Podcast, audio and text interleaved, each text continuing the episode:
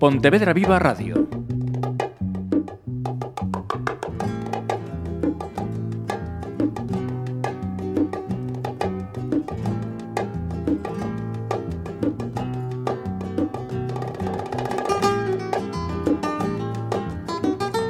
Saludos, pues eh, ya estamos aquí. Un año más, para bien, para mal, para alegría de algunos, para decepción o pesar de otros. En la mesa de Pontevedra Viva Radio, nombres eh, aficionados ya conocidos y aficionados que se van sumando. Con permiso de los más jóvenes, voy a presentar a la sección veterana. Raúl Martínez, aficionado y miembro de la Peña Miuras. Bienvenido un año más. Muy buenas tardes, Marisa. ¿Qué tal estamos? ¿Todo en orden? Todo en orden. Me alegro. Juan Ribeiro, presidente de la Coordinadora de Peñas Taurinas de Pontevedra. Bienvenido también un año más. Hola a todos y muchas gracias un año más por invitarme a esta tertulia. ¿Todo en orden Encantado. también? Sí, eh, bueno, tal y como está la situación, pues apurando lo más que se puede.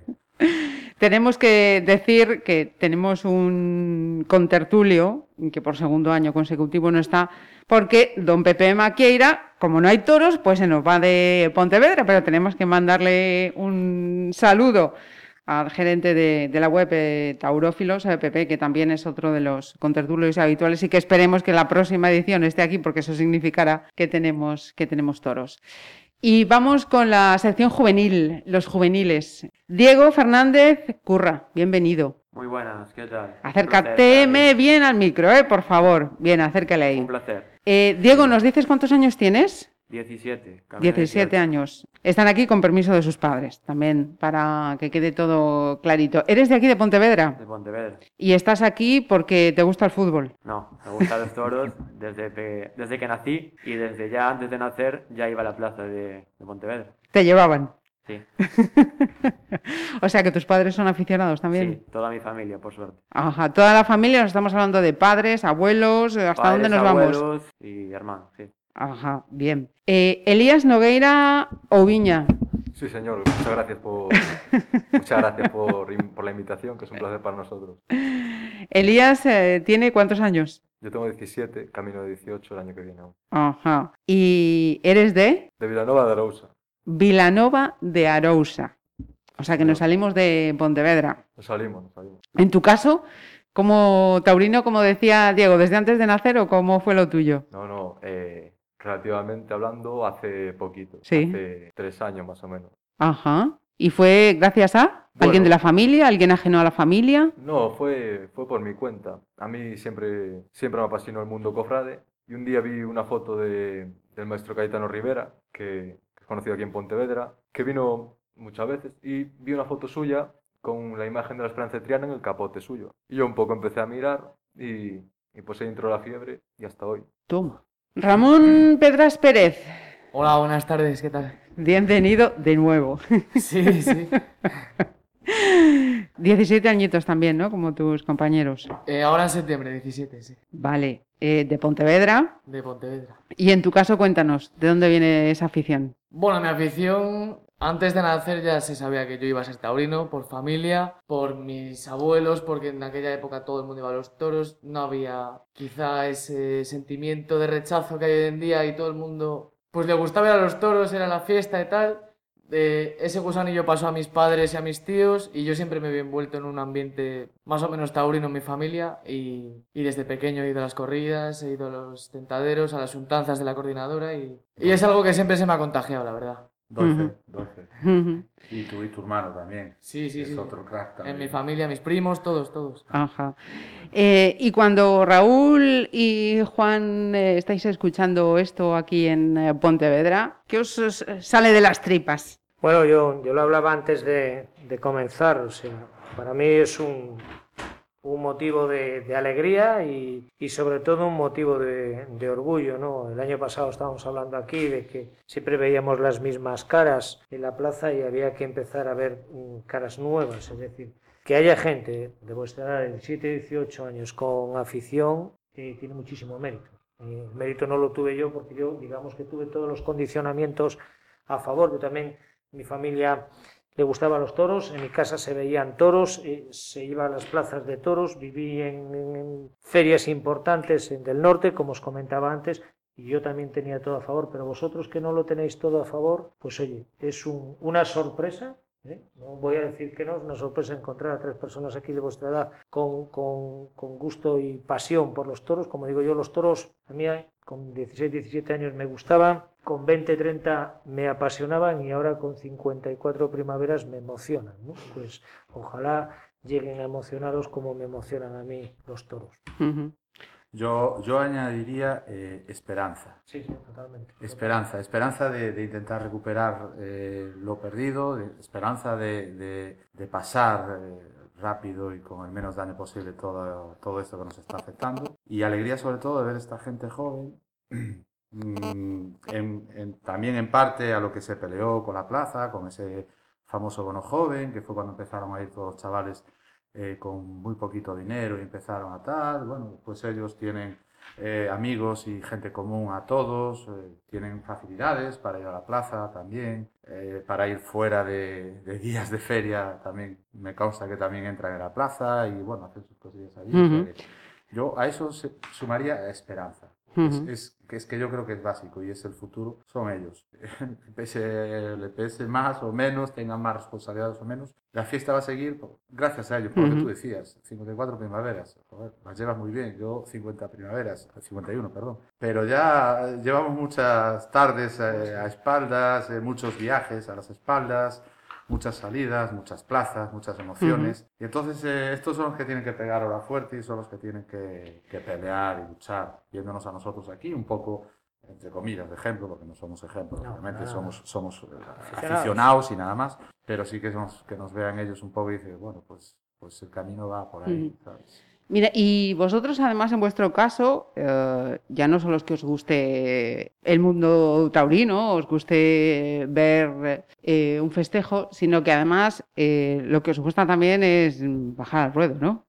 Venga, sí, no os cortéis. Lo, a ver, lo nuestro quizá vaya un poco más allá porque... Voy a hacer una aclaración, Ramón, permíteme, porque digo esto porque me, me consta, sé, eh, y de hecho luego en un audio que, que escucharemos eh, nos lo confirma, habéis tenido ocasión de estar trasteando ¿no? en, la, en la plaza de toros, coger el capote, coger la muleta, eh, esto va así, esto así, y que lo disfrutáis un montón. Vamos. Hubo, creo que hubo algo más que la plaza de toros de Pontevedra. Sí, luego, luego pasamos a ese otro apartado, pero primero eso, que digo que ya no solo se queda en la afición, sino que, que tienen ese, ese ánimo de, de, de, bajar al ruedo y ponerse ahí. Sí, hombre, ¿por qué no? La afición práctica es algo que nos apasiona también. Tenemos la suerte de contar con José Vicente, que, que él ha estado en la Escuela Taurina de Salamanca, él sabe mucho, él nos ha enseñado mucho y, y hemos estado con él más de una vez en, en la plaza haciendo toreo de salón y ha estado también con nosotros más de una vez este David Campos, he conocido aquí en, la, en los años, me parece que 90. Torero, bueno, becerrista pontevedrés que se ha vestido de luces en un par de ocasiones y que, y que también nos ha ayudado mucho. Bueno, ¿y cómo se siente uno cuando baja allí al, al albero, pisa el albero y coge el capote, coge la muleta? Eh, pues ha sido algo único, la verdad. Ya de, cuando lo ves en el tendido te impresiona ver Estar ahí, un dentro animal, de... un animal así delante tuya. Bueno, espera, animal no, no, no habéis visto, porque aquí en la plaza no, no, se han soltado animales. Eso también hay que dejarlo claro, que nadie se imagine lo que no ha pasado. En la plaza de Pontevedra estáis trasteando, ¿no? Sí, vale. sí simplemente toro de salón. Uh -huh, perfecto. Y me imagino que Diego iba por la referencia que hacía Juan, ¿no? Eh, hace mayo, creo sí, que me decía si había sido, habíais tenido ocasión de ir a Valladolid y ahí sí, Ahí ya fue contándonos, venga, que no lo cuente sí, yo todo. Pues fue nuestra primera vez delante de una vaca y creo que hablo en nombre de todos cuando digo que fue algo espectacular. Algo que tienes que sentirlo una vez en tu vida al menos, porque ya luego te aficionas aún más y es algo que único. Eh, Elías se le van los ojillos. A ver, cuéntanos. Sí, yo creo que es algo que es una sensación que hay que sentirla más de una vez, porque... Quieres más, o sea, el, está claro que quieres más. La sensación, el, es un conjunto de muchas cosas. Es, es el miedo, es los nervios. Porque una vaca también da miedo, aunque parezca que no. Ya lo creo, ya te es digo yo. El no dormir. Nosotros cuando nos enteramos que íbamos, bueno, yo eh, hablo en mi nombre, yo la semana antes ya empecé a, a sudar de noche. y, y, luego las sensaciones de tener la boca seca y, y no haber bebido nada y una- al llegar hay unas ganas de ir al baño inmensas, siempre son los nervios, una cosa que te, que te absorbe, pero una vez que, que estás allí, que, que entras en una conjunción con el animal, aunque no sea la más perfecta, es una experiencia que es muy triste ya solo vivirlo una vez, yo creo que vivirlo No, es, Muchas yo- veces. Es imposible vivirlo solo una vez. No, no sí, puedes. sí, sí, esto es una cosa que, Apoderado. que engancha, que, que- es una cosa que, que, que induce, que, que absorbe, que es una, es una experiencia única, es una experiencia única, es una prueba a uno mismo también muchas veces, a, a lo, que, lo que decíamos, el miedo, los nervios, y luego el, el gusto, ya cada uno el expresarse, el, el decir cómo se es, que es una cosa muy bonita, el decir, el decir cómo es uno tan solo con un trapo, vulgarmente dicho, un trapo y un palillo. y, y que un animal te permita, te permita expresarte es, es una cosa, es una cosa, es lo más grande que hay. Es lo más sencillo y a la vez lo más grande.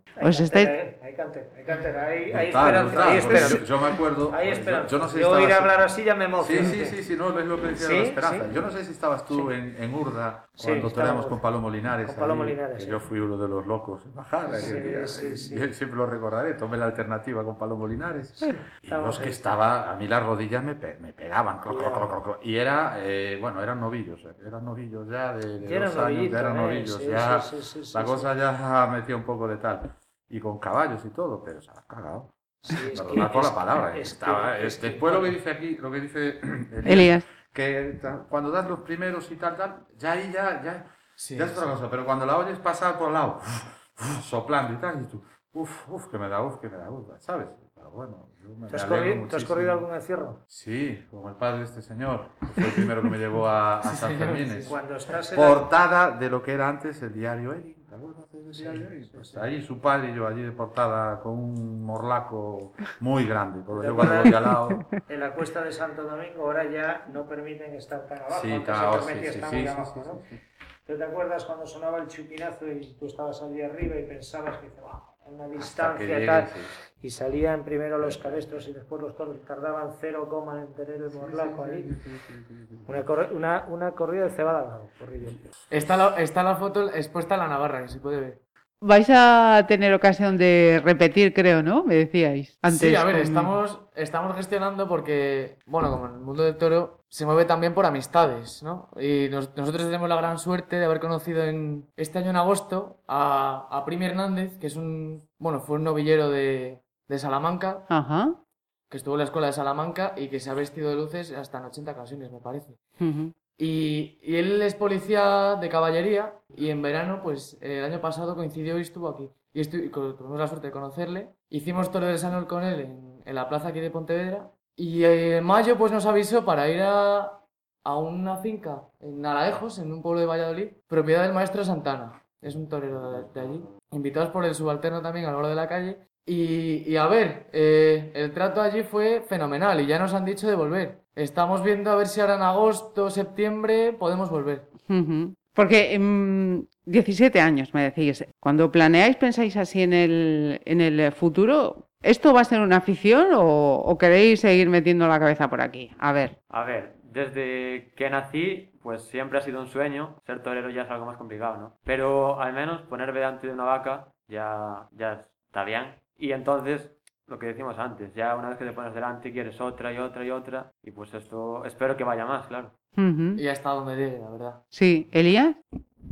Sí, bueno, esto os suele decir, hasta donde Dios quiera el esfuerzo permita, nosotros, bueno, por lo menos yo, yo tengo, tengo la esperanza de, de vivir mucho en este mundo de- del toro. Ya, yo creo que si me muriese mañana me moría muy tranquilo, porque Joder, Eh, valías. He hecho, he, cumpli- he cumplido un sueño, pero bueno, creo que, creo que ha sido el primer piso de un edificio que puede ser muy alto, Dios quiera que sea rascacielos a lo mejor, pero, pero luego sí, lo que es la, la esperanza en el futuro, tener algo que agarrarse, pero, pero lo que se pueda todo sacar del toro, lo que el toro te pueda dar, bienvenido sea siempre, siempre, tío. eso es... Jolín. Y, y lo- lleva dos años, ¿eh? Dos Lleva dos años. Dos Cuidadito. años. Sí, además yo siempre he sido una persona de, de gustos, de ir, venir, una cosa deja de gustarte, pero los toros, nada, nada. Y son, son, son dos, más que dos, son tres años ya de, de levantarte pensando en el toro, del profesor hablarte de, Golfo de Pérsico, de Alejandro Magno y pensar en los toros, y, y de dormir soñando con toros, y, y cualquier cosa, mismo hablar de cualquier cosa y,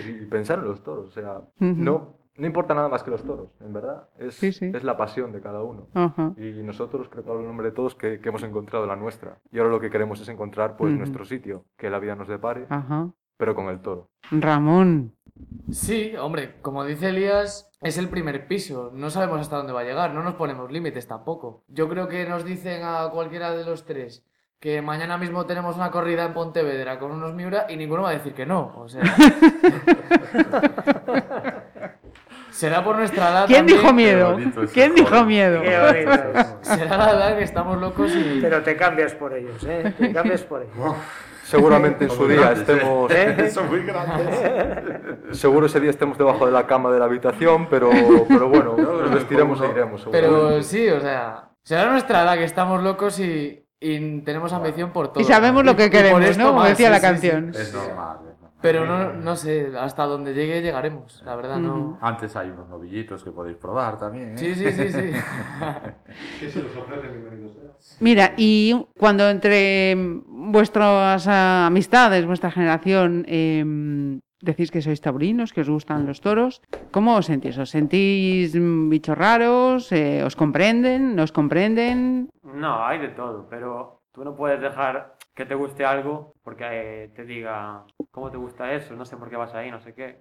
Bueno, para gusto los colores, entonces, si quieres ir, bien, si no quieres ir, no vayas. Yo voy, me gustan, no dejaré de ir tampoco. Y que además no estáis haciendo nada malo. Claro. No, es que O parece sea, una malo es robar o matar. O, o sea, el que te gusten los toros no Hombre, es nada están, malo. Están, tienen un gusto por algo que está considerado como cultura y sí, protegido cultura. como tal. Sí, O sea claro. que... Yo creo que deberíais de presumir de eso. Incluso. No de achicaros ni de amedrentarse ni de nada, todo lo contrario. Ujú. No hacéis nada malo. Elías, Ramón. Bueno, como dijo Diego, hay de todo, la verdad. Desde. Jo, qué guay, me encantaría ir un día, avísame y vamos, o insultos y amenazas, ha habido de todo. ¿Sí? Sí, sí. O sea, por desgracia hay un sectarismo muy grande con este sector de nuestra cultura que la verdad es que da mucha pena. Da mucha pena. Que en un instituto, pues, no sé, te sientas molesto por ser lo que eres, que profesores te hayan dicho cosas muy molestas. Y dices tú, a ver, que estamos a 100 metros de una plaza de toros, ¿qué pasa aquí?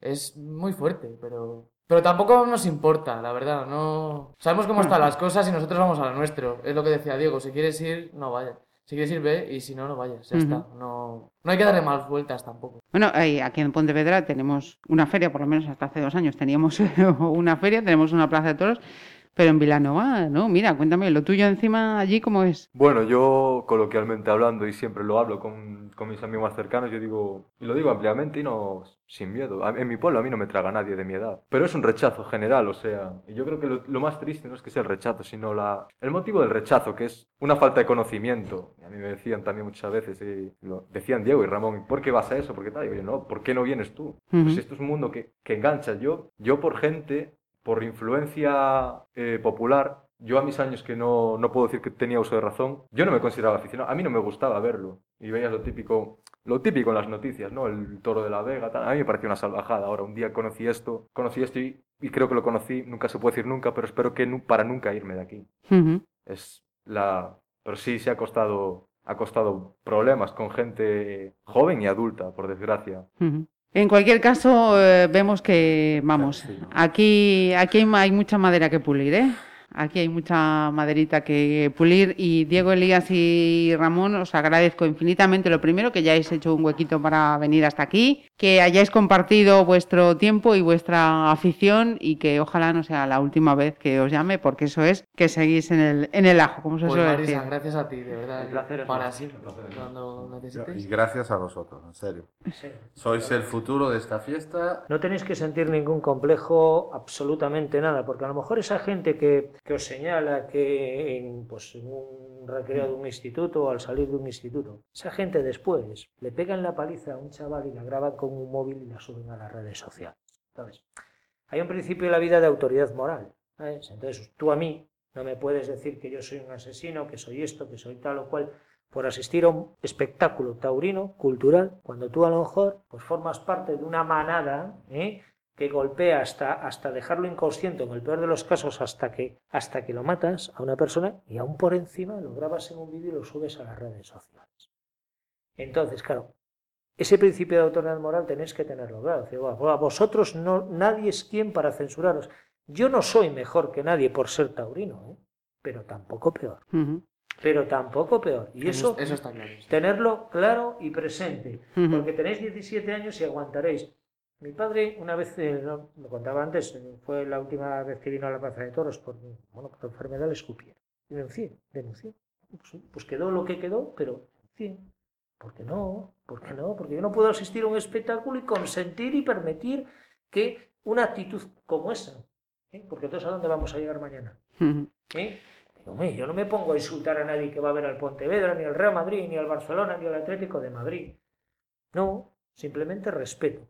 Y en eso, oye, animaros a que sigáis en esa actitud y que no os acomplejéis, lo que ha dicho antes Juan. Un orgullo, ¿eh? Un orgullo estar sí. sentado con vosotros y ver que hay esperanza. Después habrá festejos o no, ¿eh? Pues Lozano, esto, lo otro, discutiremos lo que quieras. Eso, eso, va a tocar, eso va a tocar ahora. Así que Diego Elías Ramón, muchísimas gracias, lo dicho, y mucha suerte, ¿vale?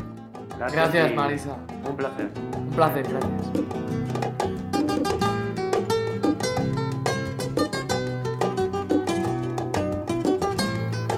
Continuamos con esta tertulia y vamos a abrir eh, comunicación, hemos abierto comunicación telefónica con una representación de la Plaza de Toros de Pontevedra.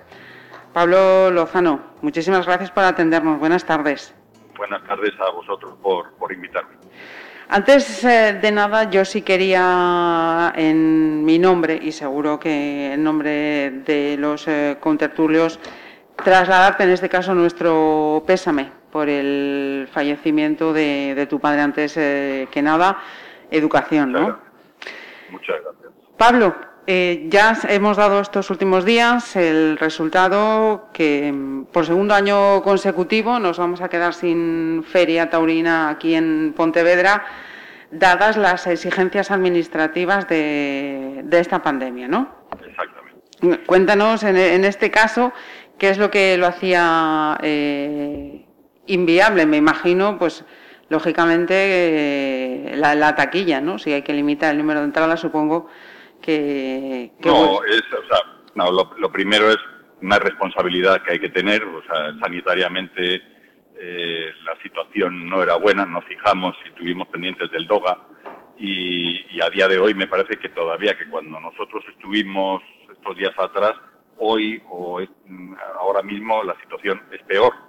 O sea, que era, previ- era previsible y claro, mm, por responsabilidad, por, por, por respeto a la afición y por, y por respeto un poco y evidentemente a la situación que, que, que a todos nos tiene en todo el país atenazados, pues evidentemente no hacía, no hacía posible el hacer una cosa con la solvencia, con, la, con el tiempo y con la dedicación que se, que se tenía que hacer, que esperemos, eh, Dios quiera, que se pueda, que se pueda resolver más adelante, pero ya te digo, este año era también inviable porque todos los parámetros que venían de a nivel sanitario no lo indicaban, indicaban todo lo contrario, ¿no?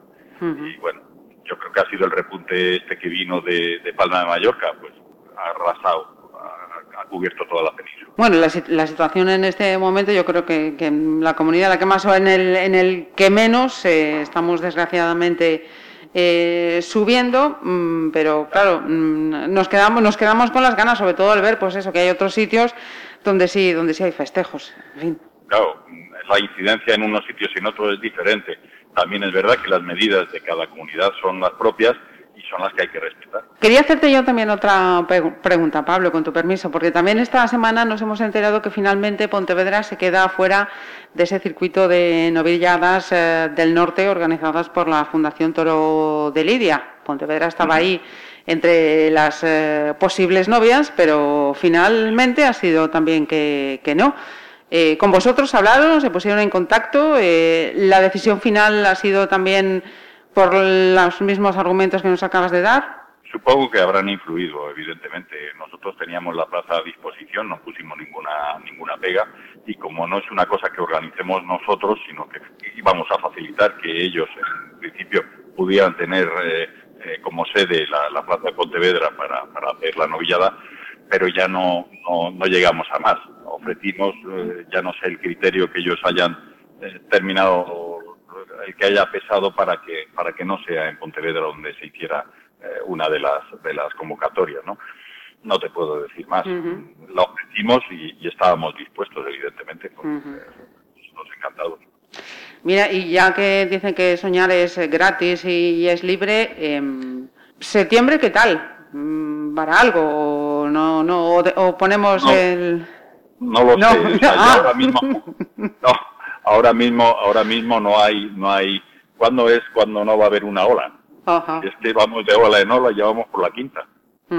Yo espero, yo espero sinceramente que, que esto pase cuanto antes y podamos llevar una vida normal más aún en una actividad como es la, la, necesaria que, se, que, que, hace falta para, para hacer una feria. Pues oye, tenemos que estar todo el mundo, pues conforme es el índice de, vacunación, tiene que ser suficiente, tiene que ser más amplio y, y está todo el mundo más tranquilo. Nadie está tranquilo a día de hoy eh, sabiendo que no todo el mundo está vacunado y que en cualquier momento te puede, pues, incluso vacunado, puedes tener algún problema no lo sé. Esto la verdad es que nos tienen, nos tienen sin vivir y, somos unos más de, los ciudadanos y estamos en una situación como los demás. Estamos igual. Mira, y preguntando por la Casa Lozano y por este 21, ¿cómo está siendo? Pues como empresarios, como ganaderos, eh, como apoderados, ¿cómo, cómo está siendo? Mira, lo hablaba hace un momentito con un amigo y estábamos hablando precisamente de eso. Eh, digo, mira, el año 2020 fue una catástrofe ya no quiero ni recordar el tema familiar, ¿no? o sea, una catástrofe en general. Y el, 2000, el 2021 es simplemente malo, no podemos, no hay más, o sea, es una situación que, nos supera y que, y que tenemos que asumir y, y aguantar de la mejor manera. Es lo que estamos intentando. No es como el año pasado, pero no es bueno tampoco el año, o sea, sinceramente, no se puede ser eh, optimista, hay que ser realista. Pues mira, fíjate, veníamos eh, de tener una tertulia muy optimista porque hemos tenido aquí en el estudio a tres chavales muy jóvenes eh, que auguran que la afición aquí en Pontevedra, por lo menos, todavía va, a seguir. el futuro de, la feria, podemos decir que también se mantiene, que estos dos años de parón no van a, suponer, no van a suponer perdón, un pasito atrás. No, yo por supuesto que no. Nosotros estamos deseando eh, empezar nuestra actividad, eh, retomar el pulso con, la afición, con las peñas y, y, el, y el, volver a, dar los toros con la categoría que, que Pontevedra merece y, además con el entusiasmo de dos años en los que la situación nos lo ha impedido, ¿no? O sea, que, nosotros estamos deseando. Perfecto. Entonces, si Raúl, Juan, queréis eh, aprovechar que estamos charlando con... Muy buenas, muy buenas tardes, Pablo. Hola. Eh, eh, transmito el mismo sentimiento. Sí, transmito el mismo eh, sentimiento, Marisa, que Marisa, a mí me ha sentido pésame por, por el óbito. Muchas gracias, muchas gracias. Yo quería dos, dos cuestiones. a pesar de la situación sanitaria, que todos somos conscientes de, de, la gravedad, de, primero de la situación y, y, por ende de la gravedad de la misma, ¿no? Y después también, pues oye, yo me pongo como como aficionado también me tengo que poner del lado del empresario.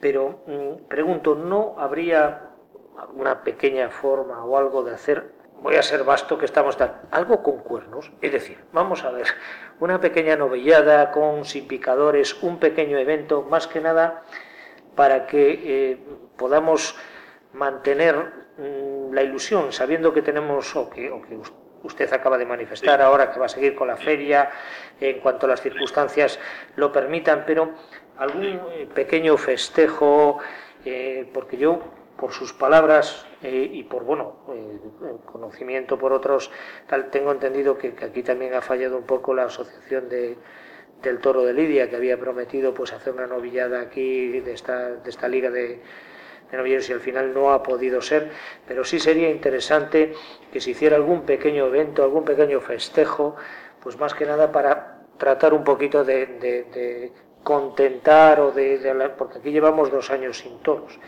Correcto, no, no, no, no, no os debe caber duda de que en el momento que podamos nosotros hacer, aunque sea una cosa mínima y sea simplemente testimonial, lo vamos a hacer. O sea, el problema es cuándo y cómo. No puedo decir una fecha porque, porque estamos supeditados al tema sanitario. Es el que nos tiene atados de pies y manos.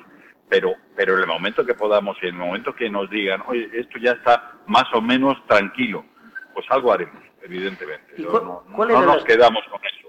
¿Cuáles eran las condiciones? Es decir, ¿qué nos, ¿qué le exigían a la empresa? ¿Un 50% del aforo? No, no, no, no, no se llegó ni a hablar, o sea, de- No se llegó ni a hablar de aforo, ¿no? No, se, se estaba hablando, se estaba hablando de que en, en las condiciones planteadas a nivel sanitario faltaban en el momento en que nosotros estuvimos como unas 20 personas para llegar a las 1000 y eso ya era pasar a situación de riesgo, riesgo máximo, con lo cual quiero decir con un riesgo máximo cualquier otra situación y planteamiento de, de porcentajes o demás eh, huelga, huelga el comentario, o sea, quedábamos, quedábamos a- en- en segundo plano. ¿Qué tal, Pablo? Soy Juan, de la coordinadora. Juan, ¿cómo estás? Bueno, pues nada, suscribir lo que decía Marisa y, y Raúl de lo de tu padre, lo siento muchísimo. Muchas Hablamos gracias. en su momento y bueno. Mm, Lo que nos pasa aquí es que eh, cuando vemos la tele, eh, por ejemplo, otro día Santander, y ves esa Sí. plaza a reventar, pues eh, es lo que ese pesar que tenemos, ¿no? O sea, yo imagino que aquí en la plaza el 50% ni de coña podíais meter ahí, porque entre distancia de seguridad y las filas que había que dejar libres y los asientos libres en medio, yo no creo ni que llegarais a los mil. De hecho, creo recordar que alguien de la plaza me dijo que era más o menos el número que se barajaba y que si la cosa iba peor, incluso había que bajar a 400 asistentes, con lo cual eh, no se pagaba ni, ni el transporte de los animales. ¿no? Pero claro, después te sientas y ves y te enchufas al canal de los toros y ves eh, Santander, eh, ahora viene eh, Gijón, el otro día León, y ves otras comunidades. Yo no sé si es que nosotros hacemos muy, muy, muy, muy bien los deberes, o los demás son muy listos, o los demás no hacen los deberes, pero es que no me entra en la cabeza que aquí no os dejen, lo cual me parece normal por lo que estabas comentando tú, que si la sanidad, eh, si los, bueno, las autoridades sanitarias eh, reconocen, y todos sabemos que esto está muy mal, está peor que el verano pasado, pero coño, ¿qué pasa? ¿Que allí en Santander, por ejemplo, el bicho no entra? qué? Pregunto, porque es que no, Vamos no, sé, no no. sé vuestra opinión, porque claro, cuando vemos esas cosas, a mí me preocupa, digo, coño, yo, vale, renuncio este año, me quedo sin toros, pues me quedo sin toros aquí en mi, en mi provincia, y me duele. Pero después me pongo a ver la tele, me pongo a ver toros, o viajo, porque también salgo por ahí a ver toros, y digo yo, coño, yo no entiendo nada, o nuestro presidente eh, se excede, o, o- o los demás eh, pasan, no lo sé, no sé qué opinión os da a vosotros. Yo, yo es que no lo sé, cada comunidad es Sí, autónoma. Claro, claro, claro. Eh, Es- y, y además cada comunidad sus índices de, de, digamos de riesgo los tienen eh, estipulados de una manera determinada también basándose en, en- en- en realmente en, en el índice En datos epidemiológicos. de contagio exactamente o sea eh, yo realmente eh, yo estuve en Santander es verdad que luego está también la responsabilidad de cada uno y dentro de la responsabilidad de cada uno el hecho de que estés en un espacio público sin mascarilla pues no es lo mejor. O sea, yo creo que, que te dejen o no te dejen hacer una cosa u otra hay que hacerlo con responsabilidad. Y, y esa responsabilidad es la que uno ya personalmente tiene que llevar eh, implícita, ¿no? Exactamente. Oye, yo eh, disfruté en la en, en- en Santander Sí, sí. pues una tarde de toros, bueno, bien, estábamos en el callejón, yo procuraba estar a- alejado un poco de los demás y estar como todos, o sea, no- manteníamos una cierta distancia, pero pero aparentemente, quiero decir, en el, en el, en el tendido, pues sabiendo, porque el, el- además eh, me lo explicó perfectamente el, el empresario y demás, se, se, se- se- se- no me acuerdo cuál era el índice de asistencia permitido, pero era el que era, o sea, estaba puesto. Por la Nosotros- tele se veía la plaza llena, ¿eh?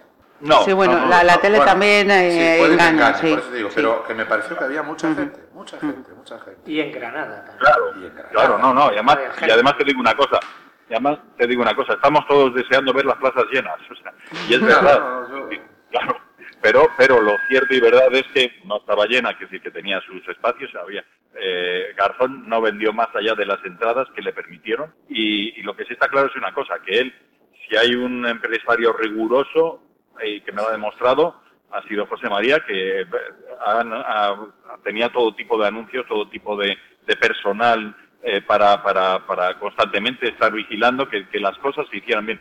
Ya te digo, a nivel personal, es eh, la primera vigilancia es la de uno mismo. Y eso es, eso es importantísimo. Pues sí, en, en el norte realmente que se van a dar exclusivamente un par de ferias. La de, la de Santander, que estuvo incluso Santander. en el aire de darse, no darse, porque los índices de contagio po- estaban ahí, ahí.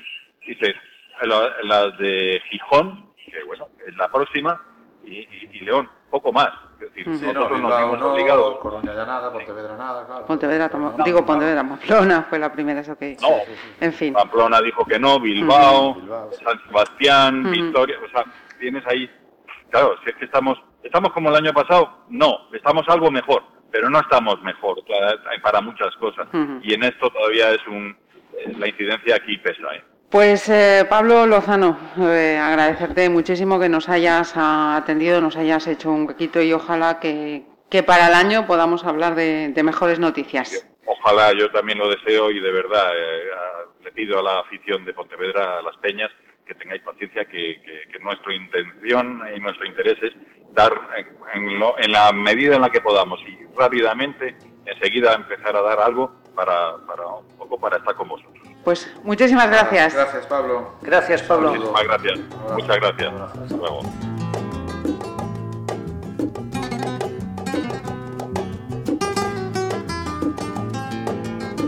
Pues eh, seguimos a- avanzando. Hemos hablado con la afición más eh, juvenil, hemos hablado con eh, la empresa y ahora vamos a hablar precisamente con una entidad a la que acabo de mencionar hace pocos minutos con Pablo Lozano, que es la Fundación Toro de Lidia. Mi intención era que esta tarde estuviese aquí el presidente del capítulo, aquí en Pontevedra, no ha sido posible, así que nos hemos ido hablar eh, con José Vicente Martín. Nos ponemos auriculares y escuchamos. Por eh, compromisos laborales no podemos eh, tener al presidente del capítulo de la Fundación Toro de Lidia en Pontevedra aquí en esta tertulia, pero sí hemos preguntado al respecto, porque esta semana se ha conocido finalmente ese calendario de la Liga de Novilladas del Norte y Pontevedra pues no está incluida en ese circuito.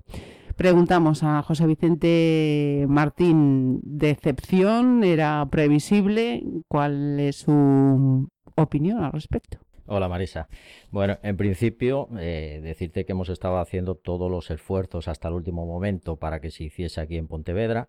A nivel Fundación de España, en Madrid, nos decían que no había muchas posibilidades por el tema del aforo que pone el asunto aquí y en otras comunidades es un poco más amplio y dan más posibilidades a la hora de hacerlo. Pero nosotros teníamos ah, un poquito de ilusión de que al final se pudiese arreglar y meterlo dentro de la, de la fiesta de la peregrina pero al final no pudo ser y en el último momento nos hemos enterado, igual que todos, que la feria se caía y la Fundación Madrid nos dijo que entonces hacer una novillada aquí, que tampoco ni tenían posibilidad de hacerla por el aforo permitido y al no haber feria tampoco era viable.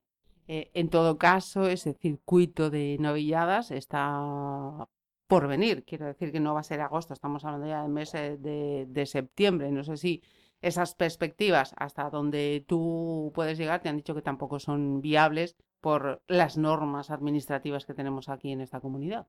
No, porque son eventos que lo tienen que cerrar con mucho tiempo, o tienen que pedir permisos y eso es un circuito que tienen que saberlo eh, con bastante tiempo eh, dónde se va a hacer y dónde se puede trabajar con esas expectativas, porque hay mucha gente que yo sé que está siguiendo eh, de plaza en plaza también el circuito este de novilladas. Entonces no podía ser en espera y cerrarlo a ver qué pasaba con 15 días de antelación, es inviable. Entonces lo han sacado en las ciudades que más o menos si la pandemia les deja, lo podían ya presentar con tanto tiempo de antelación. O sea que no es una cuestión de que, como se dice, estemos lejos eh, de todo, sino que las eh, circunstancias no han jugado a favor de Pontevedra. Bueno, es una pena que haya distintas normativas en cada comunidad y las normativas aquí, vamos a decir que son las apropiadas o son más duras que ninguna otra. Eso ahí no entramos, pero en estos momentos aquí la Junta de Galicia tiene unas que Cantabria no tiene, o País Vasco o La Rioja. Entonces aquí era más duro a la hora de hacerla porque no había tanta ayuda a nivel de números, de gente, de entradas, de, de poder anunciar algo. Estaba todo en el aire. Vale, y ahora le pregunto a José Vicente Martín, aficionado. Eh, segundo año, sin festejos taurinos en Pontevedra. ¿Cómo lo vives? ¿Cómo estás haciendo para sortear la sequía? Bueno, eh, nos está dando más ilusiones para el próximo año. Si espere- esperemos que ya esto de la pandemia sea un mal sueño y por lo menos, yo por lo menos tengo más ilusiones de que venga la peregrina 2022 y poder cogerla con, más ganas que, que en estos dos últimos años no nos han dejado. Te veo optimista. ¿eh? Yo, yo, para el 22 ni siquiera lo veo claro. Mira, eh, estamos charlando antes de que grabemos la tertulia, pero para cuando los eh, invitados escuchen esto, ya hemos hablado con tres jóvenes chavales que tienen muchas ganas de meter la cabeza en el mundillo taurino y creo, no sé, me han chivado, que tú lo sabes, lo sabes bien. Bueno, yo todo aquel que tenga una pequeña afición o comparta las aficiones conmigo, siempre le abro la puerta en todos los sentidos e incluso al que no las comparte conmigo, también estoy siempre apoyando a quien sea.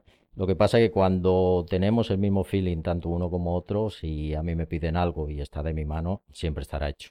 Bueno, pues eh, José Vicente Martín, presidente del capítulo en Pontevedra de la Fundación Toro de Lidia y aficionado de esta, en esta ciudad nos viene de tierras salmantinas.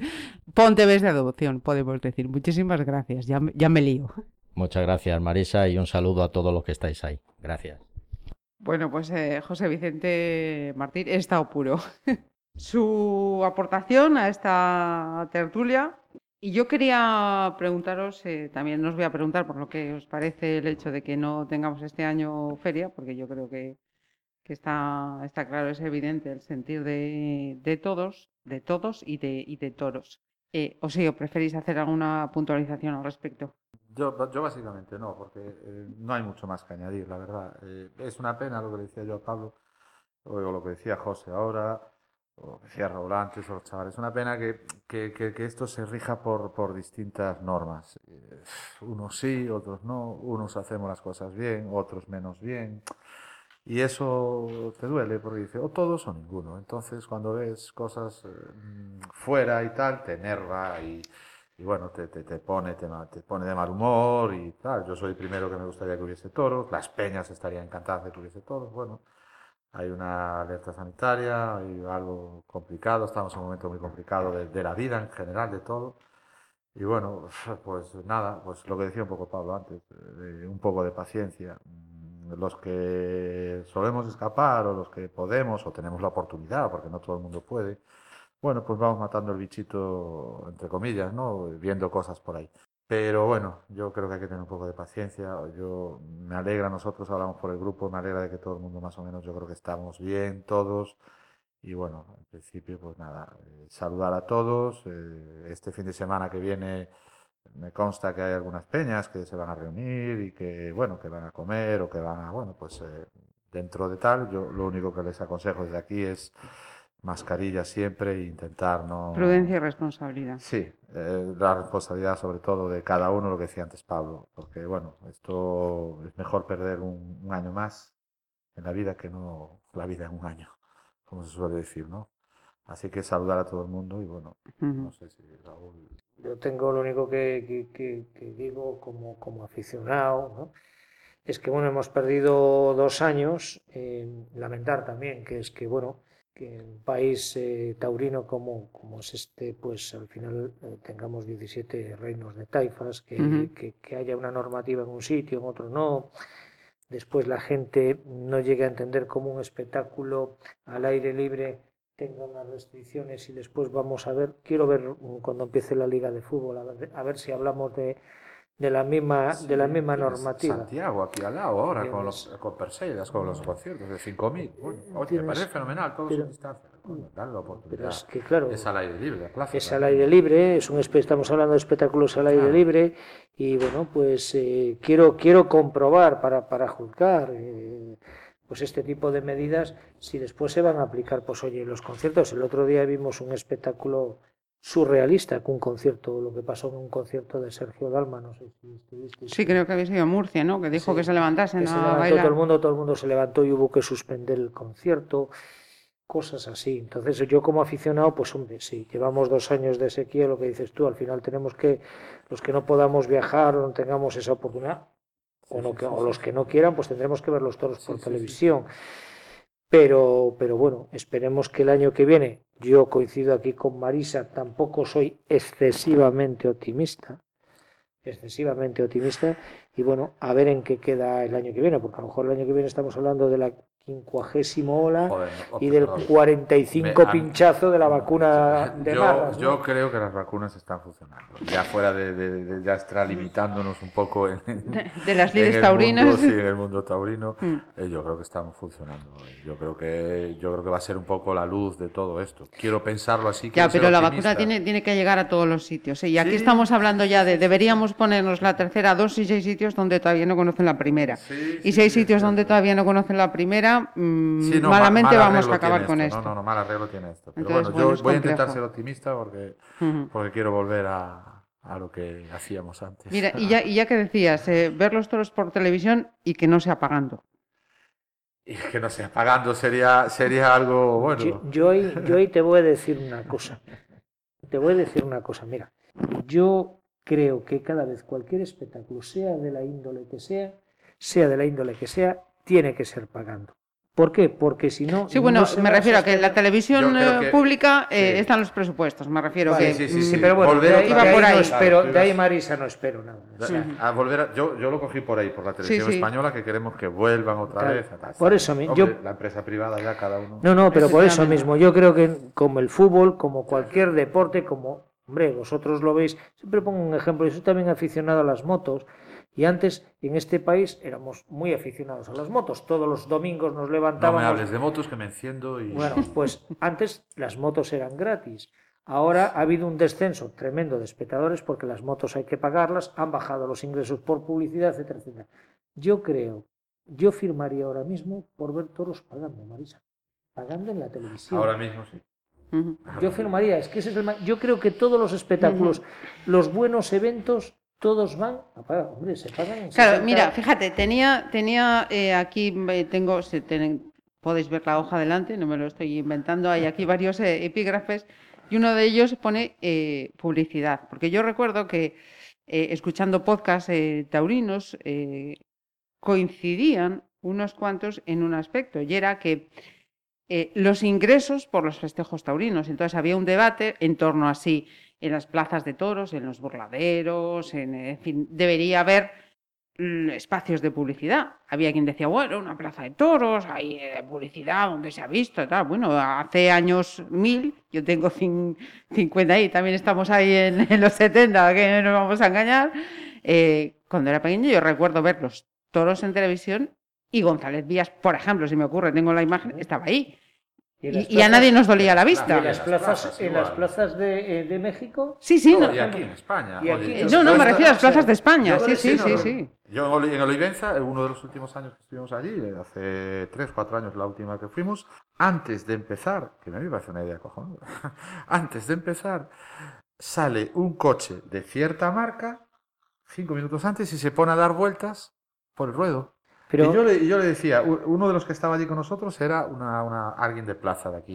Dije yo, hombre, mira qué buena idea, macho. Qué manera de, de- de- de ingresar más cuartos con la publicidad. Porque el tío de la marca de ese coche tal Claro, pagará pero- tanto dinero. Porque ahora mismo hay, allí en Olivenza, que hay eh, 5.000, 6.000 personas en esa plaza, porque es una plaza pequeñita. eh, eh, ha- habrá eh, 6.000 personas viendo, o 7.000, ¿no? Depende del aforo, ¿no? Y tal. Y dice, mira, pues está también bien explotado. ¿no? Sí, claro, y además no de unos ingresos nada- en taquilla y otros ¿no? ingresos por publicidad. espectáculo, Claro. el chavales, no espectáculo taurino es un espectáculo que está estructurado, que permite publicidad. Es decir, tú vas a ver un partido de la Super Bowl y en los intermedios meten anuncios. Bueno, hombre, los entre- más caros. Claro, claro, no, no, y así dura cuatro horas y media que te pasas viendo anuncios. Bueno, pues a lo mejor existe una posibilidad de entre toro y toro, pues poner unas cuñas publicitarias que se pueda. Sí, sí, sí que, joder, que no es un partido de fútbol No, que no, son no. 45 y 45. Que entre toro y toro puedes Sí, sí, sí, intercalar sí, una cuña sí, 30 publicitaria. segundos o un minuto, lo que sea. Exactamente. Raúl, y no, no- y no nos equivoquemos. eh, este señor que acaba de hablar, eh, Pablo, eh, hará festejos en tanto en cuanto le sean rentables. Claro, claro, por ahí va. Claro. y el momento que mi empresa no dé dinero, tengo que cerrarla. O sea, yo no trabajo gratis. Y tú igual. No, bueno, pero si yo, yo, y yo- el empresario, el empresario decir, Juan tiene, una empresa para ganar dinero. Y eso tenemos que saberlo. pero vamos a ver, el empresario No, tiene nadie- que ganar dinero porque si no, si no hay No, no, empresa no, no, no, hay festejo. no, no, Eso por estamos, supuesto. estamos claros. Pero eh, yo hacía incluso creo que el año pasado una reflexión, es decir, ver aquí, por ejemplo, en España hay plazas de primera, evidentemente, todos sabemos cuáles son las grandes ferias, pero para generar afición, rectifico, para generar ilusión en la gente, como la que hemos estado escuchando aquí, que yo me he quedado realmente impresionado con estos compañeros que han estado antes, tenemos todos que aportar un granito de arena. Entonces, claro, ¿cuánto es el caché, por ejemplo, de Roca Rey? Por ejemplo, ¿cuánto es el caché de un torero de primer nivel? Pues a lo mejor tienen que eh, pensar que en determinado tiempo en tiempos también tienen que echar una mano, Juan. Entonces, claro, si Roca Rey tiene un aquí, ¿qué puede tener un Roca? Sí, Ya, Juan, ya, ya, ya. ya sé lo que me vas a decir. No, pero es la es que realidad. te voy a decir Es la, que la realidad. realidad, que, que si entre ellos no hay esa unión, pues bueno, ahora con la FTL parece que hay un poquito más ahí, algo que aglutina pues un montón de, de gente sea, de campo, claro. de empresarios, de toreros. De, Me, me estás, de- me estás sacando la muleta, ¿eh? Sí, no, no, quería no, ya, no, no, ya, sé, eso, eso es un ¿Tú debate muy grande. yo no tengo duda de que Pablo Lozano quiere ganar dinero. Yo no creo, yo, yo creo que Claro. si gana dinero hay festejos. Sí, sí, pero todos tenemos que poner nuestro granito Pero de arena. te- Entonces, con cachés como las grandes figuras no podrán venir a Pontevedra. Correcto, pero yo sin embargo te voy O a decir, yo, y no, no, yo no, no estoy yo aquí para defender a nadie, a nadie, pero yo soy, Dios lo quisiera, Roca Rey, y yo no tengo por qué bajar mi caché, o sea, yo lo que hago delante de un toro, vamos a poner un ejemplo, vale 80.000, no vamos muy desorientados, ¿eh? vale 80.000, entre 80 y 90.000 vale, y si tú puedes pagarme, yo me la juego ahí. Si tú no puedes pagarme, yo no me la juego. Yo, ¿por qué te tengo que ayudar? Y después me dirás tú, bueno, pues me tienes que ayudar porque si yo no hago esto, tal, entonces ahí entramos en un debate brutal. Porque uno sí, el otro no, porque tú más, porque yo menos, porque yo no quiero torear contigo, porque yo quiero torear solo es estos toros. a eso me porque refiero. yo tal, eso es, Es un- que vamos a ver una cosa. es alucinante. O ¿Tú crees que, mm, como, como, como culé, ¿vale? Messi un va a defecto ser... como otro cualquiera. Exactamente. Pero eres joven y tienes tiempo a Pero, y aquí estáis sentados y debatiendo. No Sí, sí, por supuesto. Sí, señor. Eh, Raúl dijo una, una palabra importantísima cuando estaban los chavales y que a mí me parece fundamental y yo la pondría en un círculo. Respeto. Eso. Que yo sea del Barça y Raúl del Madrid no quiere decir que no podamos sentar. Bueno, hombre. O que yo sea de nacionalista y Raúl de izquierdas o tú de derechas no quiere decir que no nos podamos sentar y que no podamos tomar un agua charlando. Y, y eso siempre con respeto. Con respeto. Perdona que te interrumpa porque No. me pareció muy acertado ese Te comentario quería decir tuyo. que, por ejemplo, Lionel Messi no va a ser más y menos jugador por bajarse un 15 o un 20% el, el, el contrato. Es decir, bueno, pues tú tendrás que ver una situación, analizar una situación y decir, vamos a ver, el mundo del toro. Oye, mira, aquí hay los empresarios, hay los aficionados, hay tal, hay esto, hay lo otro, lo más allá. ¿Qué es lo normal? Yo voy a ser igual de feliz si me cobras la entrada a profesionalmente, 45 a 50, me la pasas a 50. Si ese no es el problema, porque no creo que el espectáculo taurino, para lo que es el espectáculo taurino, sea un espectáculo caro, porque después nos vamos a, a ver Champions a Oporto, Sí, sí, ¿eh? sí, a, Odragao, y pagamos sí. 90 y 120 o 150 euros. O como hemos 150 pagado en alguna euros por ver un partido de Champions. Entonces, creo que en este es un, es un momento en el que todo el mundo tiene que hacer un esfuerzo. Y a lo mejor las grandes figuras, a lo mejor Rocarrey, no digo que te juegues la vida por 40.000 euros, porque ni siquiera me atrevería a pedírtelo como empresario. Pero joder, oye, ponte en situación, en momento requiere un esfuerzo sí. de todo el mundo. Entonces, a lo mejor tienes que poner un caché un poquito más, un año. Fijaos, eso, eso es una patita de lo que estaba por aquí anotado. Prometo a los que estáis escuchando que ellos no habían visto esto, pero es una de las cuestiones que sí saldrían a, colación con una de las reflexiones que yo quería dejar sobre la mesa en esta charla, y es, si ya antes de, de esta pandemia, mm, este sector, esta industria, como queramos eh, llamarlos, ya estaba pidiendo una vuelta, una vuelta, pues para corregir errores, para mm, ponerse también acorde a los tiempos, porque hay muchas cosas que hay que ponerlas acorde de los tiempos. Eh, una, una revisión, vamos a llamarle una revisión. Antes de la pandemia ya esto estaba pidiendo una revisión. ¿Creéis que este parón, esta situación, porque para, los profesionales de este sector y para todos, más o, menos, las han visto finas? El año pasado y este año y veremos a ver el año que viene. ¿Os parece? Yo, yo tengo mi, mi conclusión, pero ¿os parece que eh, este momento que podría haber servido para decir, bueno, señores, venga, vamos a replantear esto, vamos a ver qué es lo que estaba fallando, qué es lo que se estaba haciendo menos bien, eh, por dónde deberíamos eh, ir a pie de ahora. ¿Se va a aprovechar el momento o, o, esto va a ser igual como estaba? Cada uno mira lo suyo y el que venga detrás a reír. Bueno, yo en eso te voy a hacer una pequeña reflexión. Voy a poner un ejemplo del fútbol. El otro día Florentino Pérez, cuando defendió la Superliga, dijo que es que los aficionados estaban huyendo del fútbol, porque había demasiado fútbol, porque tal, y que había que darle una vuelta a esto. Y bueno, pues seguro que por intereses económicos, por lo que fuera, se inventaron lo que es la Superliga. Pues en los toros tenemos que hacer igual. Tenemos que replantearnos las cosas. Tenemos que empezar, lo he dicho muchísimas veces, en un país en el que la televisión tiene el impacto que tiene. Si no sales en televisión, no eres nadie. Entonces habrá que reformularse las cosas para atraer gente, para renovar, para llevar gente a las plazas o para por lo menos sentarlas en un sofá delante de la televisión. Y si estos dos años es decir, yo durante el confinamiento, joder, ordené el trastero de mi casa. Bien sea dicho porque no tenía otra cosa mejor que hacer y aproveché para bajar al trastero y ordenarlo. Bueno, pues a lo mejor en este parón pues tenemos que reformularnos cosas. A lo mejor Lozano, Pablo Lozano, pues tendrá que replantearse qué orientación y qué sentido tiene, quiere darle a la feria de la peregrina. Pero es un tiempo de reflexión y de cambiar cosas, porque nada va a ser igual que antes.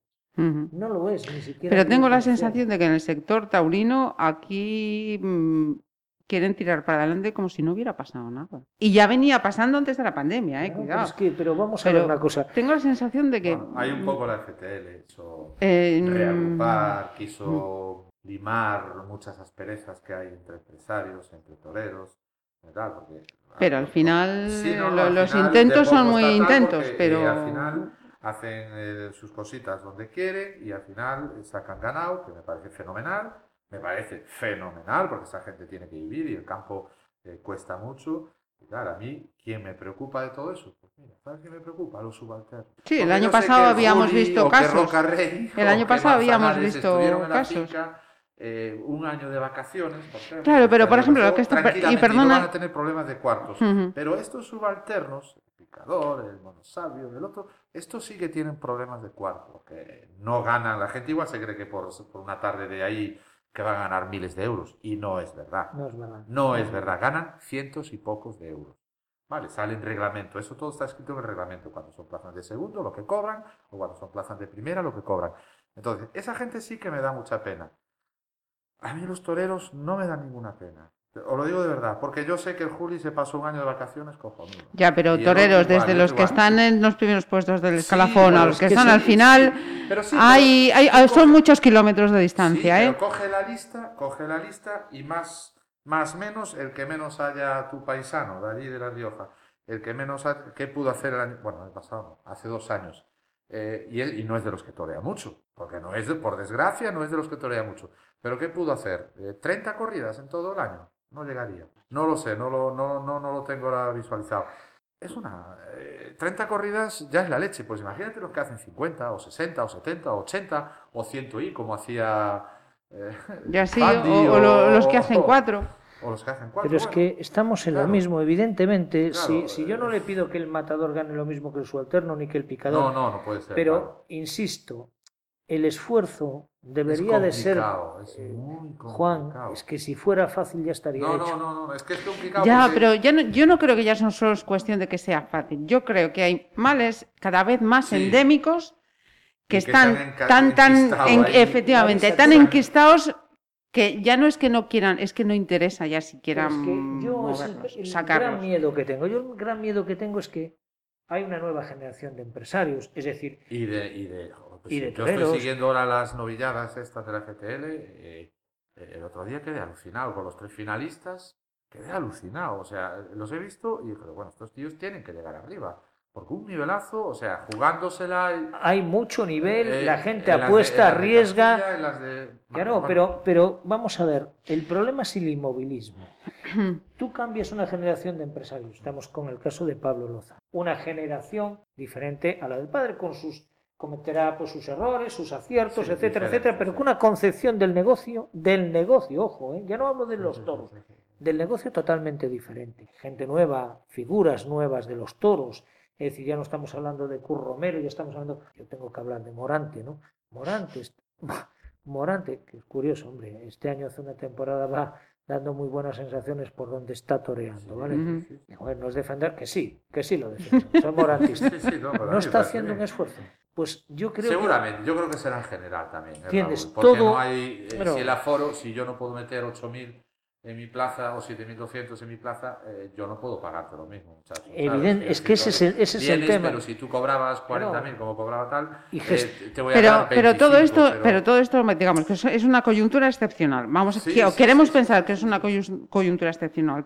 Cuando, ojalá, podamos volver a hablar de, de normalidad, los males en- endémicos que esto venía arrastrando van a seguir Es estando no ahí. es que no se ha dado una vuelta para decir, señores, hay que darle una vuelta a esto y hay que ver qué es lo que se estaba haciendo mal, qué es lo que Es está haciendo mal, tema, qué errores estábamos cometiendo, em, qué vicios se habían cogido y siguen sin corregirse. es que vamos a ver una cosa. Porque es que igual el mal no viene desde los que están desde fuera gritando toros, no. Claro, pero es que No, no, no, el mal no viene por ahí. No viene, No aparte, viene por ahí. aparte de por ahí viene, vamos a ver, la gente piensa que va a venir la pandemia, el bicho lo vamos a derrotar. Estamos en vísperas de la peregrina, suenan las campanas, por si alguien todavía no las ha escuchado. Por lo civil o por lo criminal vamos a derrotar al bicho. El problema no es ese, es que hay una serie de cosas que han venido para quedarse. Igual que tú ahora mismo, para hacer una gestión en la administración, no hay ningún organismo en el que puedas llegar allí a hacer la gestión si no tienes cita previa. Los hábitos de consumo de la gente han cambiado totalmente. Claro, pasa la pandemia, bueno, ya pasó todo. No, no, pero no hemos aprendido nada de esto. Me decía mi mujer, ojalá la pandemia nos lleve un poco a preocuparnos por la higiene, que era un tema que teníamos abandonado. Y le dije yo, pues no estoy yo tan seguro. ¿no? Cuando pase la pandemia ya nos olvidamos de la mascarilla, la quitamos. En los toros pasa igual. En los toros pasa igual, esos vicios eh, endémicos, eso pensar de que el motor es diésel y va a funcionar eh, 350.000 kilómetros, pero cambia cosas, mete publicidad, es fundamental, renueva el negocio, haz negocio con los toros a base de publicidad sin perder la esencia de la fiesta, que no se puede perder, lógicamente, pues no estaríamos viendo otra cosa que no fueran toros, pero renueva, renueva, el fútbol cambió, el fútbol cuando vio que- Apuesta por novilladas. Es que son infinidad de cosas, apuesta son por otro infinidad tipo de cosas. que es que yo me siento a ver una novillada, que no me tienes que traer a Roca Rey, pero dame una novillada. Dame Bueno, un sin embargo, te voy a decir una cosa. Cuando eh, trajo a, a Del Álamo, trajo a. Que, que después fueron puertas grandes con, Sí, sí, con el sí, chaval, con. Bueno, hombre, con Ginés. el chaval de Inés- Ma- Ginés Marín. Ginés Ujú. Marín. Y después venía el, el chaval de ellos, este. Bueno, Álvaro. Álvaro Lorenzo. Eh, ¿Sabes cuánta gente metió a la plaza aquí? No llegamos a 2.500 personas. Pero claro, ese también es otra cosa Cuidado, que no- porque al final siempre vamos al mismo. al parné. Sí, ¿no? Y ¿entiendes? al postureo. final- Y al postureo. Sí, bueno, pero a mí me gustan los tema. toros, pero a mí me gustan los Sí, toros sí, de sí, chaquetilla viene- dorada. Sí, cuando viene el guapo y. De chaquetilla y- dorada, ¿No los efectivamente. toros? Claro, efectivamente. claro, claro. Es que entonces es no que te es a gustan donde los voy. toros. Es que es a donde Es voy. como yo, Raúl. yo voy Es a los caballos. Tú, igual que yo, estabas ahora como diciéndole a Pablo. eh, ah, haznos algo aquí, Algo por Dios. con cuernos. Haznos algo, Algo que quiero, con quiero oler a ganado. Quiero, sí, quiero, oler quiero ir a ganado, la plaza, quiero claro. sentir esa sensación de sentarme en la plaza. Claro. Pero es que ese es el tema, es que los toros, oye, pues rejones, esto, lo otro. Mira que yo, siempre lo he dicho, yo es que de rejones Sí, primero no me gustan y no entiendo mucho, ¿vale? Eh, pero bueno, pero voy, voy, soy un aficionado y voy a ver un espectáculo. Entonces yo creo que es lo que decías tú, Marisa, hay que reformular. Y si de esto, de dos años sin toros, no hemos aprendido y no nos ha dado tiempo para sentar, pensar... Pero a nosotros y a ellos. A porque y a ellos, también sí. otra cosa que creo que tienen que tener en cuenta es dejar de mis minusvalorar de una vez por todas al aficionado. y pensar que vamos a ir a la plaza simplemente porque cada 8 de agosto, cada 15 de agosto tenemos que ir a la Efectivamente. plaza. O cada hombre. 7 de julio, vamos. Sí, Dices sí, de, de claro. 8 de agosto, 7 de Claro, julio o 20 de septiembre, me da igual. Sería como dejar tomar lo que dice Marisa, que el aficionado pudiera tener parte y opinión. Porque aunque es cierto que yo tengo que ir a firmar los sorteos y todo, cuando hace los sorteos yo no estoy allí. Y cuando ya está el ganado, que voy con mi querido y gran amigo Foro, eh, tampoco tienen ni voz ni voto. Quiero decir que, ¿por qué no, lo que dice Marisa, por qué no dejan meter un poco más al aficionado y dar su opinión y, y participar más? Ojo, que con esto no estoy diciendo que, que aquí que no... No, no, yo estoy, yo estoy planteando todo este, o sea, todas estas preguntas a nivel parte, general. claro, general. Y, de todos esos cambios. Pues sí, pues sí, pero también te digo una cosa. eh, y esto lo expliqué 50.000 veces en las reuniones cuando nos reunimos todas las peñas ahí y tal. Dice, ¿cómo le hacemos a un hombre como Eduardo, que aquí en el mundo de los toros, de los toros fue Dios, ¿cómo eh, le convenzo yo? Ya, ya en la leche, porque ya tenemos la plaza, tenemos tal, podemos bajar a la finca cuando queramos, tenemos autobuses pagados, tenemos tal. ¿Cómo convences tú a una persona de eso que ha sido todo como empresario en el mundo del toreo, que ha visto todo, que lo ha ganado todo? ¿Cómo, cómo le puedes meter esta idea que a mí No me parece fenomenal lo que tú dices? No es muy difícil. Pero a lo mejor Hasta que este hombre no entregue el bastón de mando y podamos sentarnos con Pablo y decir, Pablo, creo que podemos hacer esto, las peñas Pero a dicen... Pablo se le ¿Entiendes? Pablo tendría sí, que sí, tener- Sí, sí, no, Pablo se presta, que ya nos lo Pablo, dijo más Pablo, una vez. Pablo se presta a eso, Pero porque es primero otra generación. tiene que haber entrega del bastón de mando, Raúl. Bueno, pues eso, eso, Yo eso tengo es- algunos en una, en una presentación que hicimos, eh, que es hicieron en el. Virgen del Camino, creo recordar, allí abajo en el hotel, debajo en el, en el asador, ¿no? Uno de un, un presidente de una peña, de una peña que van de amarillo, todos sabéis cuál es. y yo quiero ir, yo quiero ir, vente, vente conmigo y tal. Y después allí, eh, mira, Eduardo, este es de la peña, de los amarillos, aquellos que están allí arriba y tal. bueno. Y, me decía, y dije, joder, Juan, estuve hablando con él 15 minutos y es que no hay manera, macho. No hay manera de meterle un, un algo ahí. Estuve un- hablando con él tomando un café en el Rías Baixas hace dos años, pero es que es de lo que se trata. Pero vamos a ver, mira, yo decía, para que veáis cuando yo os lo digo. ¿tú la te acuerdas que del evento que organizaste en el Liceo Casino para la presentación de la biografía del cordobés? Sí, Bueno, cosas así. Aunque sea por curiosidad, es, es que la que gente estuvo a reventar y lleno las dos a plazas. y reventar fue lleno las dos plazas, aunque solo sea por curiosidad. Sí, pero es muy Ah, difícil. lo sé, Raúl, tú Juan. sabes, bueno, no sé Sí, si se podrán no- dar números aquí. No ¿Tú dar- sabes lo que nos ha costado traer ese hombre aquí? Lo sé. Pagado por todos los peñistas, ¿eh? Lo pagado sé. por la coordinadora. Lo porque sé, eso Juan. todo lo ha pagado coordinador. Hay que pagar. Pero ese día me vas a permitir, ese, ese- ese- perdona, ¿eh? un Sí, solo un sí. inciso. Eh, uno de los éxitos de esta convocatoria, que yo creo que fue el- ha sido la más exitosa de cuantas habéis eh, Sí, organizado, Seguro, seguro, sí, porque estaba y ese mucha evento no solo fuera. trajo a la gente vinculada a la afición Sí, taurina sí. de Pontevedra, Claro, es que vino mucha gente claro. que no tenía nada que ver con la afición de Pontevedra. fue y vino. Eso es a lo que yo me refiero. Dale a la gente algo, algún interés, algo que te acerque pero a la plaza. No, mira, yo, yo me acuerdo cuando la coordinadora, eh, son números que todos conocemos, cuando eh, el señor Piva, eh, gran amiguete, al cual respeto mucho, por supuesto, estaban subvencionados por el Concello de Pontevedra. Aquellas semanas taurinas, no sé si os acordáis, Sí, uf, uf. que eran alucinantes. José María ¿Cuántos? Picayo. Picayo en medio, ¿cuántos íbamos a ir al teatro principal, Raúl? ¿Cuántos éramos allí sentados? Sí, pero escucha una cosa. Seguramente estamos tú, yo, Foro. y- 30, y- y- 20, 30, y- y- 40, 40, o sea, en una afición de 7.000 que Bien. metimos aquí cuando fue José Tomás. Pero, por que la ejemplo, gente mira, se peleó mira- por entrar. sí, mira una cosa. Cuando fue la presentación de la Fundación Toro de Lidia, había gente. Sí. Había, Había gente. dos personajes importantes, muy importantes. Muy importantes, espantaco, lo que quieras. Bueno, pues a lo mejor puedes, imagínate, imagínate hablar Y con Luis. Francisco Esplá, que, que es, bueno, es, es pintor, Pintor, pinta, un gran pinta, pintor. y, y ofrecerle traer una pequeña exposición aquí, algo, Se algo, hizo, se hizo. algo. Nos salía un poco de presupuesto. Tú das de cuenta que nosotros, por ejemplo, la coordinadora, un peñista, eh, es una cuota puesta Sí. al año, puesta por todos. Oye, ¿cuánto ponemos? Ponemos 7 euros al año. Eh, por ejemplo, ahora cuando fue todo esto la pandemia, por el grupo que tenemos general, de donde están todos los presidentes, hemos comprado, yo no me acuerdo, 5.000 kilos de alimentos. Sí, se publicó, Sí. no, Algo- no sí, recuerdo me ahora. acuerdo, una burrada. Era todo el dinero que teníamos, alguien dio la idea y todos fueron ya encima, me parece fenomenal, estupendo, tal, y toda la pasta que teníamos, los cuartos que teníamos para dedicar a la feria el año Al pasado, banco de alimentos. que no tal, al banco de alimentos todo.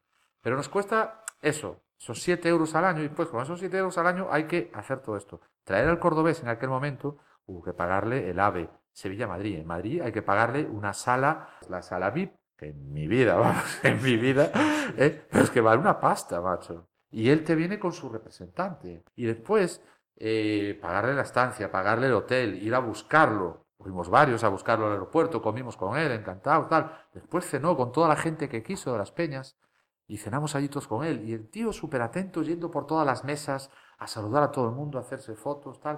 Pero es que vale una pasta. Es que no te puedes imaginar la Lo pasta. sé, pero Y quisimos traer a Gala, quisimos traer a Reverte a los salones nobles de la Diputación. Y yo cuando hablaba con sus secretarios, como por ejemplo con, con Gala, que, que- que además acababa de presentar, bueno, de presentar un, un libro nuevo, tal, y le decía, eh, pero mira, pero nosotros aquí le vamos a dar, no sé, tal, le pagamos el avión, le pagamos... No, no, mira, nosotros empezamos a hablar a partir de mil, miles. Y decía yo, ah, bueno, mm, vale, pues eh, mira, ¿me puedes mandar todo desglosado para que yo lo pueda presentar a las peñas? Ya era imposible, ya era imposible.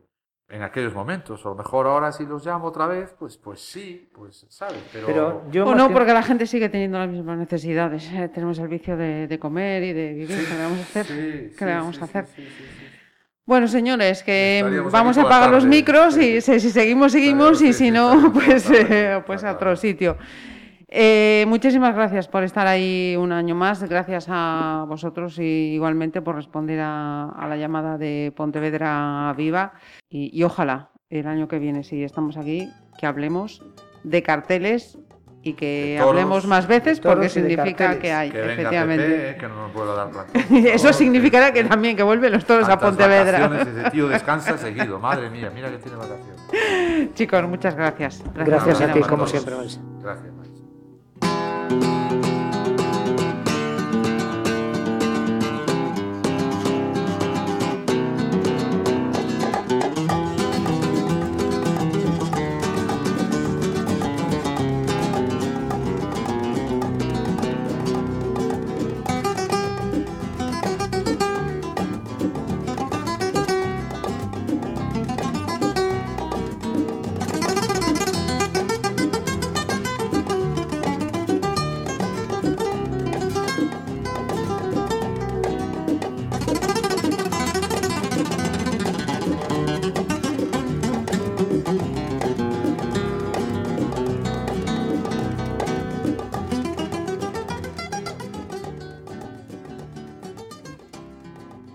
Pontevedra Viva Radio